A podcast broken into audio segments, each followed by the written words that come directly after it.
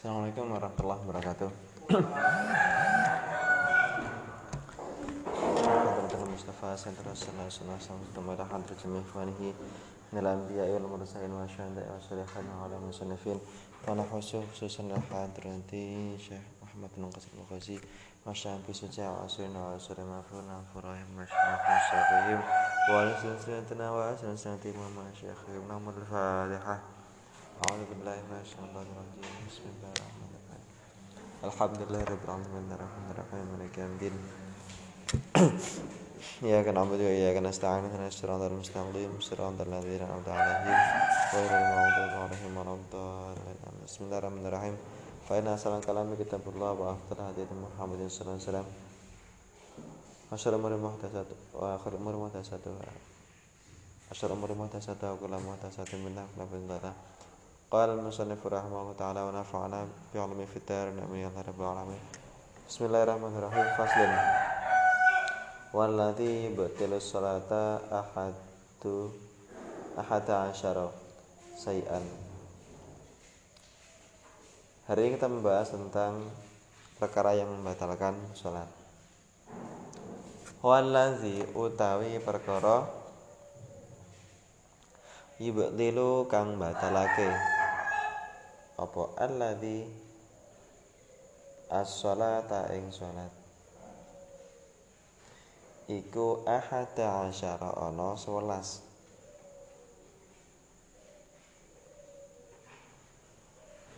syai'an. Apane? Syai'an suwi-wiji Al kalamul amdu siji kalam. Ucapan al amdu kang sengaja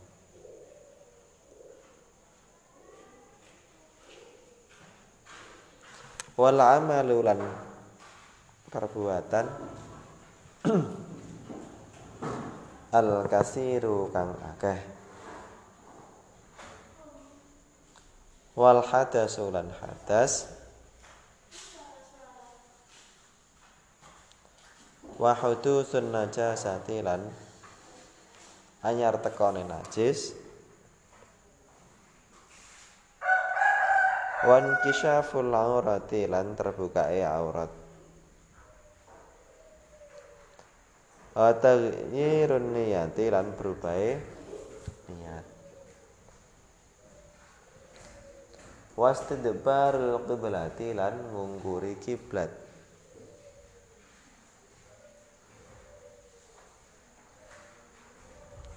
Wal aklu lan mangan. Wasyarbu lan ngombe. wal qahqahatu lan apa ketawa guyu tertawa terbahak-bahak. Nah biyen pesantren nih wal qahqahatu lan guyu lakak-lakak. Lagi yo tertawa keras gitu ya terbahak-bahak waridatu lan murtad. Waliyah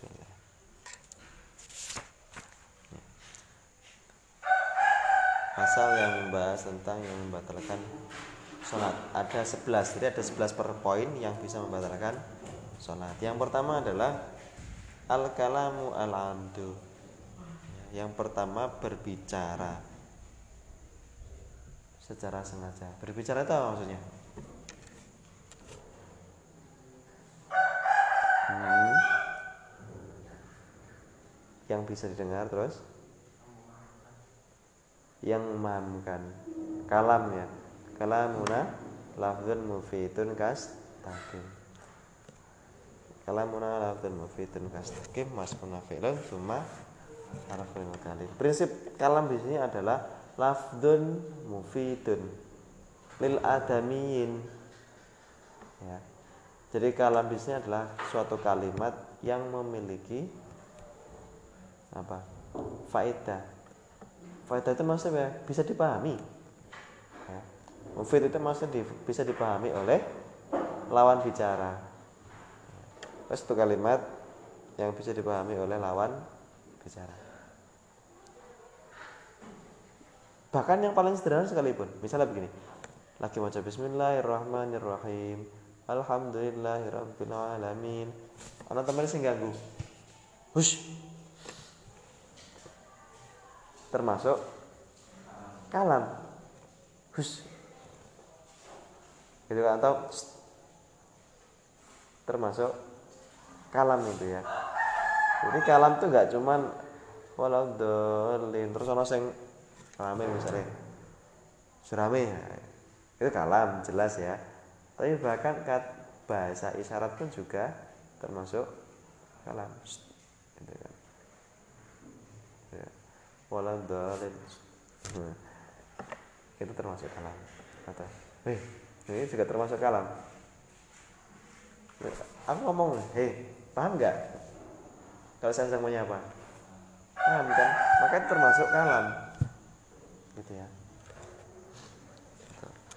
satu kalimat yang bisa dipahami oleh manusia ya bahkan itu cuman apa ya satu satu ketukan ya hei hus itu kan satu ketukan itu termasuk kalam itu membatalkan ya.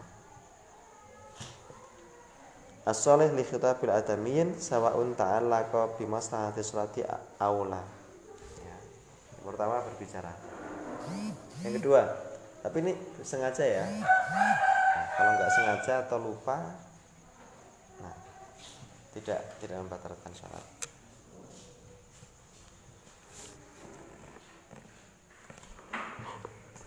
Yang kedua wala amalulan. Yang kedua amal al-kasir amal atau melakukan perbuatan yang banyak ya. misalnya gimana ya misalnya kukur-kukur ini ya termasuk perbuatan yang banyak lah terus batasan yang banyak dan kecil itu apa apa batasan perbuatan banyak dan perbuatan sedikit apa Misalnya begini. Ya, ini sholat berdiri. Nah, kemudian tangannya yurukur. Ini banyak atau sedikit? Banyak. Ya. Misalnya gini, ukur-ukur tapi dengan cara begini. Ini cuma pakai satu jari aja misalnya. Banyak atau sedikit? Sedikit. Berarti nggak batal. Kalau gini? Batal. Loh, tapi kan cuma dua kali gerakan, Pak. Iya.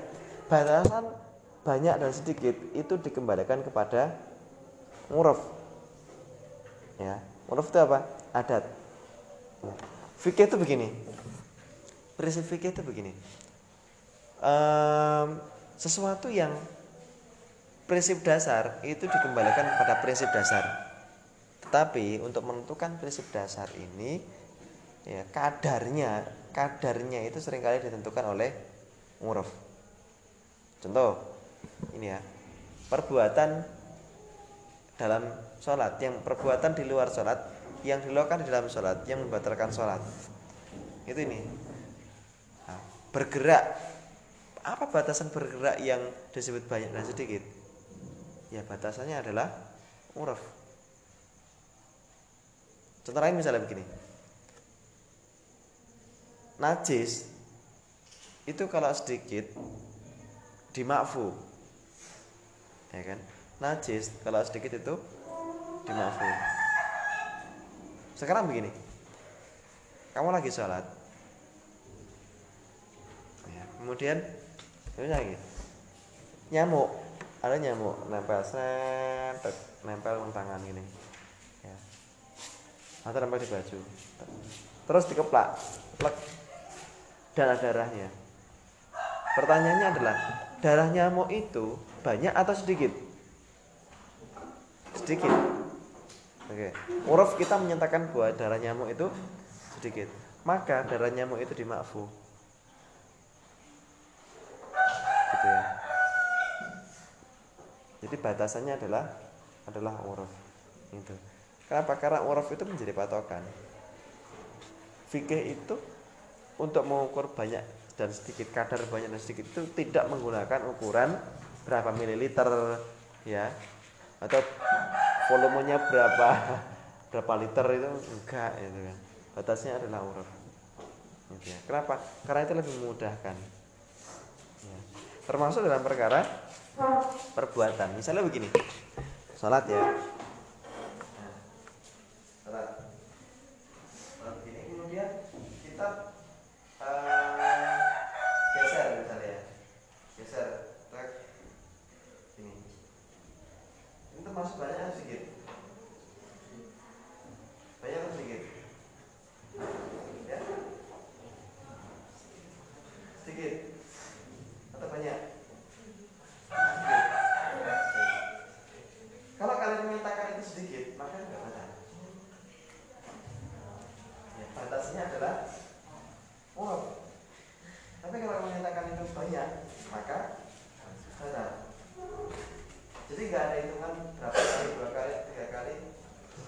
से कैसा ज्ञात है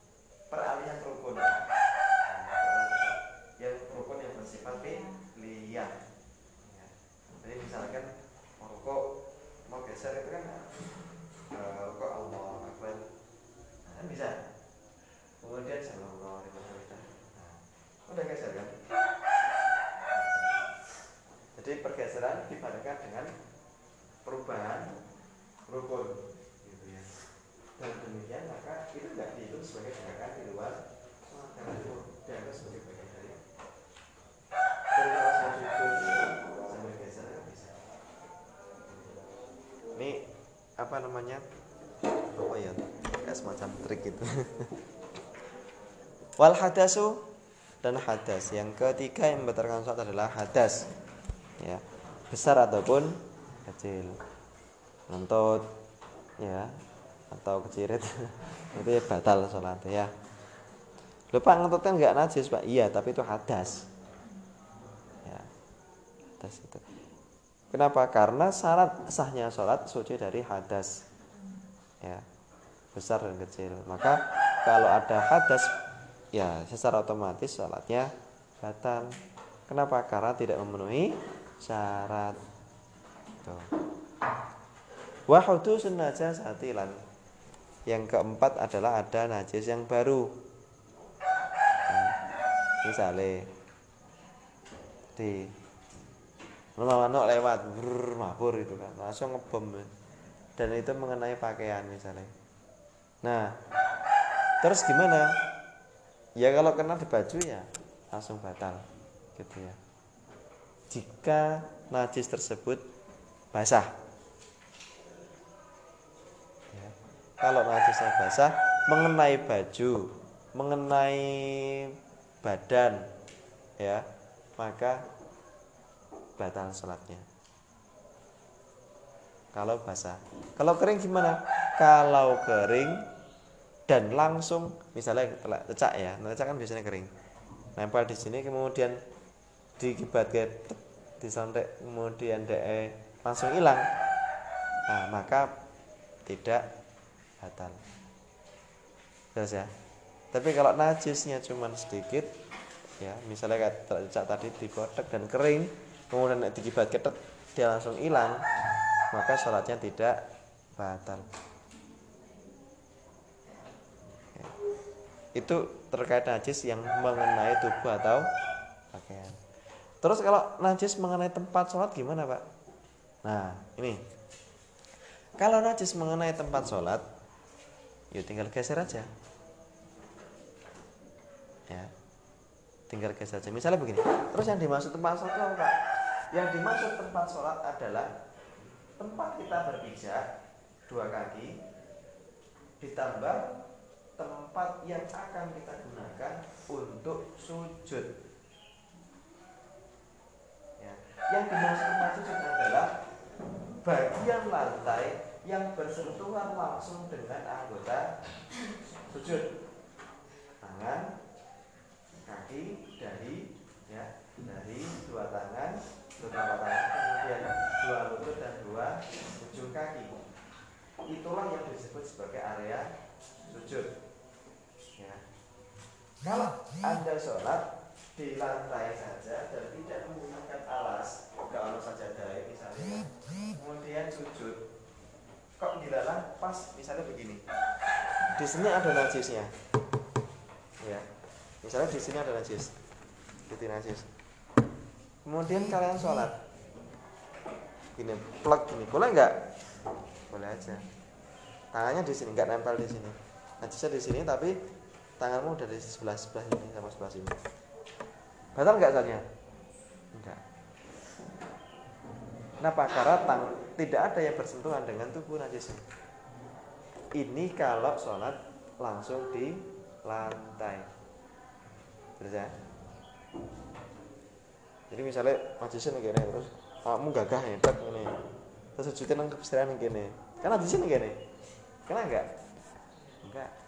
Asalkan bajunya enggak kena ya. Gitu. Ini bagi laki-laki, nah, perempuan agak susah ya. Karena roboh kan harus gambar tekan dinding. Ini kalau tidak menggunakan sajadah. Kalau pakai sajadah gimana? Ya kalau pakai sajadah, maka semua sajadah itulah yang disebut sebagai tempat sholat. Maka kalau pakai sajadah, nek sajadah kena telek, otomatis belum tentu. Ya. Kalau pas sajadahnya terkena kotoran, plok gitu ya, langsung kamu geser dari sajadah dari area sajadah ya sudah dua kotak ini kan dua kotak tiga kotak aku di sini kalau dibuat telek gitu kan basah kalau misalnya kalau tidak mampu langsung gitu kan langsung aja keluar dari area sejadah kalau segera keluar maka tetap masih sayang tapi nak di rumah pakai begini ya udah berarti tempatnya nggak suci. Berarti tidak. Karena syarat sah sholat adalah suci. Dari hadas dan najis. Yang suci dan najis adalah tempatnya, ya, pakaian dan badan. Jadi kalau pakaian badan terkena langsung dibersihkan. Jika itu kering, naik basah langsung basah. Basah gimana pak? Nempel gini misalnya, disentik, lah kok setiap anak gini malah nempel gini, nah, atau di pakaian atau dibersihkan apa disuntikan kok gak bisa hilang nah, tapi kalau di tempat sholat ukurannya apa tergantung kalau itu adalah lantai ya kalau itu adalah lantai biasa tanpa ada alas apa pun maka yang dimaksud tempat sholat adalah tempat yang kita gunakan untuk sujud area asalkan di situ tidak menempel pada bagian dari baju kita maka itu tidak masalah. Kalau di gitu ya. Tapi kalau menggunakan sajadah, maka semua area sajadah itu harus dalam keadaan suci. Kalau ujung sajadah itu terkena najis, misalkan bibir ya, nah bibir kena najis, maka ya otomatis tempat tempat sholatnya dihukumi najis, tidak sah. Kecuali najisnya itu baru datang, kemudian kamu langsung pindah keluar dari area kita masih bisa ya itu yang dusun jasa ada yang mau ditanyakan? Lanjut. Wan kisaful aurati. Selanjutnya adalah terbukanya aurat. Misalnya begini kamu sholat. Oke. Ini nutup aurat yang dimaksud nutup aurat apa? Yang dimaksud menutup aurat adalah menutupi warna aurat ya. lauk mulha ya. menutup tertutup dengan menggunakan tidak apa pun bisa pakai kain bisa pakai kertas ya koran misalnya juga apa sih atau pakai daun atau pakai kulit pohon kulit binatang boleh yang penting menutupi nah tertutupnya aurat ini ya adalah menutupi dari semua area penglihatan dari depan tertutup samping tertutup kanan tertutup belakang tertutup dari atas juga tertutup lalu dari bawah terbuka bisa nggak emang bisa sarung yang kamu pakai itu kan terbuka di bawah ya kan kalau sholat di lantai dua ini misalnya kan kok di dalam lantai bolong kan ya terbuka kan otomatis nah kalau yang dari bawah area bawah arah bawah ya arah bawah itu tidak termasuk aurat jadi kalau dia menggunakan sarung misalnya ya itu pak sarungnya karena tidak mau misalnya apa sedangnya terbuka ya. Ya tetap nggak masalah. Gitu ya. karena yang dimaksud untuk adalah menurut dari arah depan belakang sampai kanan sampai kiri ke atas. Jelas ya? Kita disebut untuk aurat. Nah kemudian inkisaful aurat itu apa? Terbukanya aurat. Disengaja ataupun tidak disengaja atau tidak membuka aurat membatalkan sholat. Terbukanya aurat membatalkan sholat.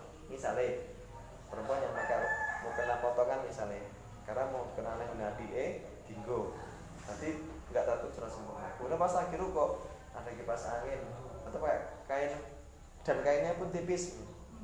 Kain satin misalnya ya. Sing tipis lemir-lemir no kae sing dilipat mung dadi sak cuwilik ini ya. Ketika pakai rokok kemudian kena angin nah, silir nah, hisis nah. buka ya. Nah, kok menang baik? Batal. Tapi kalau langsung tertutup ditutup maka ya, Jadi kalau bisa terbuka malah batal ya. Tapi kalau misalnya langsung ditutup tidak membatalkan gitu ya. Kalau misalnya pakai mukena yang potongan ya agak relatif berhati-hati pakai dalaman yang memang sudah cukup panjang, lengan panjang kalau bisa ya. Gitu. Kecuali kalau misalnya mukena yang terusan, nah, kalau mukena terusan relatif lebih aman. Yang lagi biasanya sarung, gitu ya. Pakai sarungnya sing tipis itu kan yang karena kalau kena angin kemudian langsung berkibar itu kan. Nah, itu perlu diperhatikan sampai di sini ada yang diskusikan Fatakhir niati kemudian mengubah niat. Mengubah niat itu gimana pak? Misalnya begini, kamu saat duhur, empat rakaat, kemudian dapat rakaat kedua baru sadar, leh, ya gimana kan saat duhur toh? Kok saat duhur Nah, itu namanya mengubah niat. Terus ya wes lah kita kayak asar misalnya.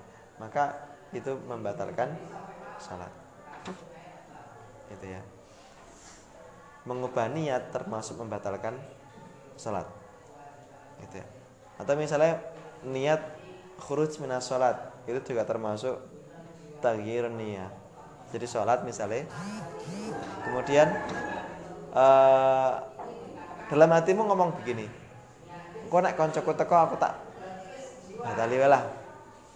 Misalnya, engko nek udan salate batal lah.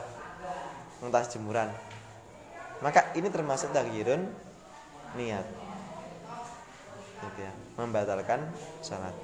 Ini takhir niat itu luas ya. ya. Mengubah niat dari satu niat fardu ke niat fardu yang lain ya atau niat khuruj atau niat menggantungkan khurujus sholat karena sesuatu ini juga termasuk takhirun niat yang itu membatalkan sholat jadi ya ngerti udah aku tak langsung melayu jemu ngeras jemuran. Nah, itu juga termasuk takhirun niat. Gitu ya. Wastidbarul kiblati kemudian memunggungi arah kiblat. Gitu. Memang bisa Pak istidbarul kiblati? Bisa wae. Iki biasa lanang ya. Salat itu kan nggo sajadah ke kiblat rono sajadah di gue asal puter-puter. Kelakuan. Biasanya zaman kala-kala sholat ada ngomong ini sajadah di gue muter itu membatalkan sholat ya? Batal sholatnya ada pak yono wae jenenge bocah itu ya istidbar kiblat. Wal aklu asyarbu makan minum itu juga membatalkan sholat emang iso pak? Kober-kober mangan. Loh motorman ya ono lho ya. Sholat lang motorman itu saat motorman ya batal. Nah terus witan ya. Sholat kalau golek oh entuk iki. Sambil berburu itu ya. Nemu. Nemu cuwilan apa batal ya. Wal tertawa. Tertawa juga membatalkan sholat. Pak nek misalnya sholat ngempet guyu tangan loro pak nih ya wes dibatalkan dulu ketawa dilepaskan dulu gitu kan. Itu tapi misalkan.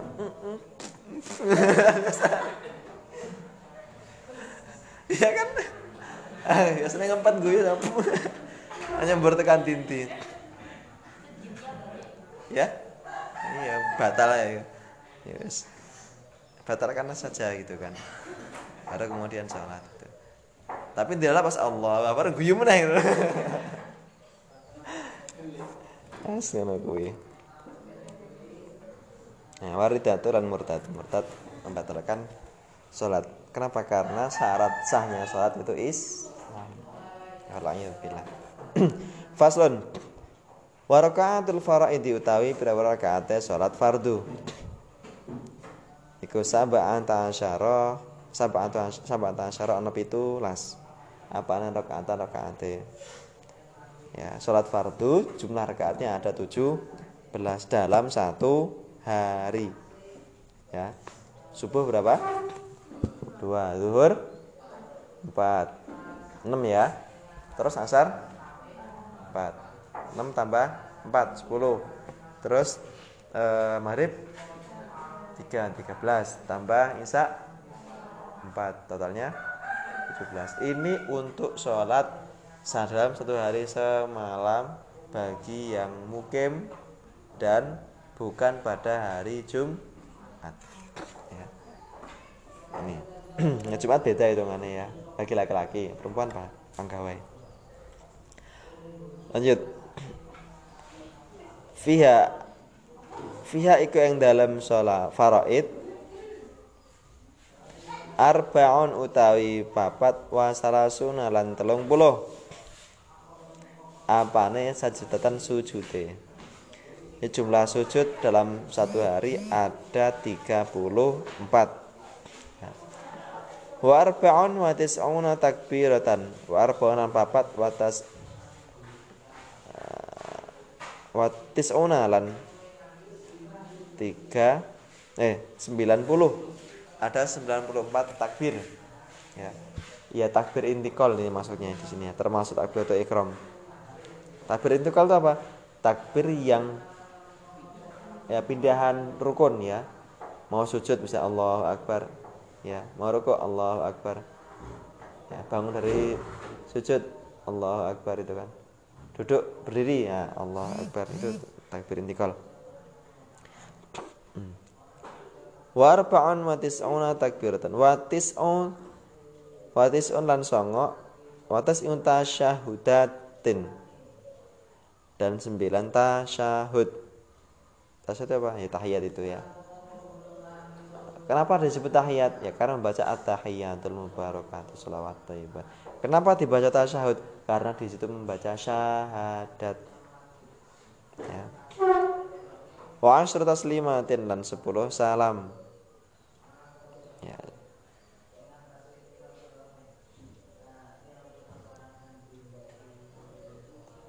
Wa mi'atun wa salasuna wa khamsuna tasbihatin 150 tiga membaca tas b membaca subhanallah. Subhana rabbiyal ala bihamdi sama subhana rabbiyal azim bihamdi. Wa jumlatul arkani utai jumlah rukun fi sholati ing dalam salat iku mi'atun wa iku mata 100 wasitatun lan 6 wa aisyun lan rong 126 apa nih rukunan rukunnya jumlah rukun dalam sehari semalam ada 126 fi subhi yang dalam salah subuh selasuna utawi 30 apa nih rukunan rukunnya setelah subuh ada 30 rukun. Ya. Wa fil maghrib lan iku dalam maghrib salah isnani utawi loro wa arba'un patang puluh. Sholat maghrib ada 42 rukun. Ya terus? Wa fi tilan ing dalem salat kang bangsa patang rakaat. Arba'atun utawi ana papat wa khamsuna lan 50 ya. Apa nih rukunan rukune.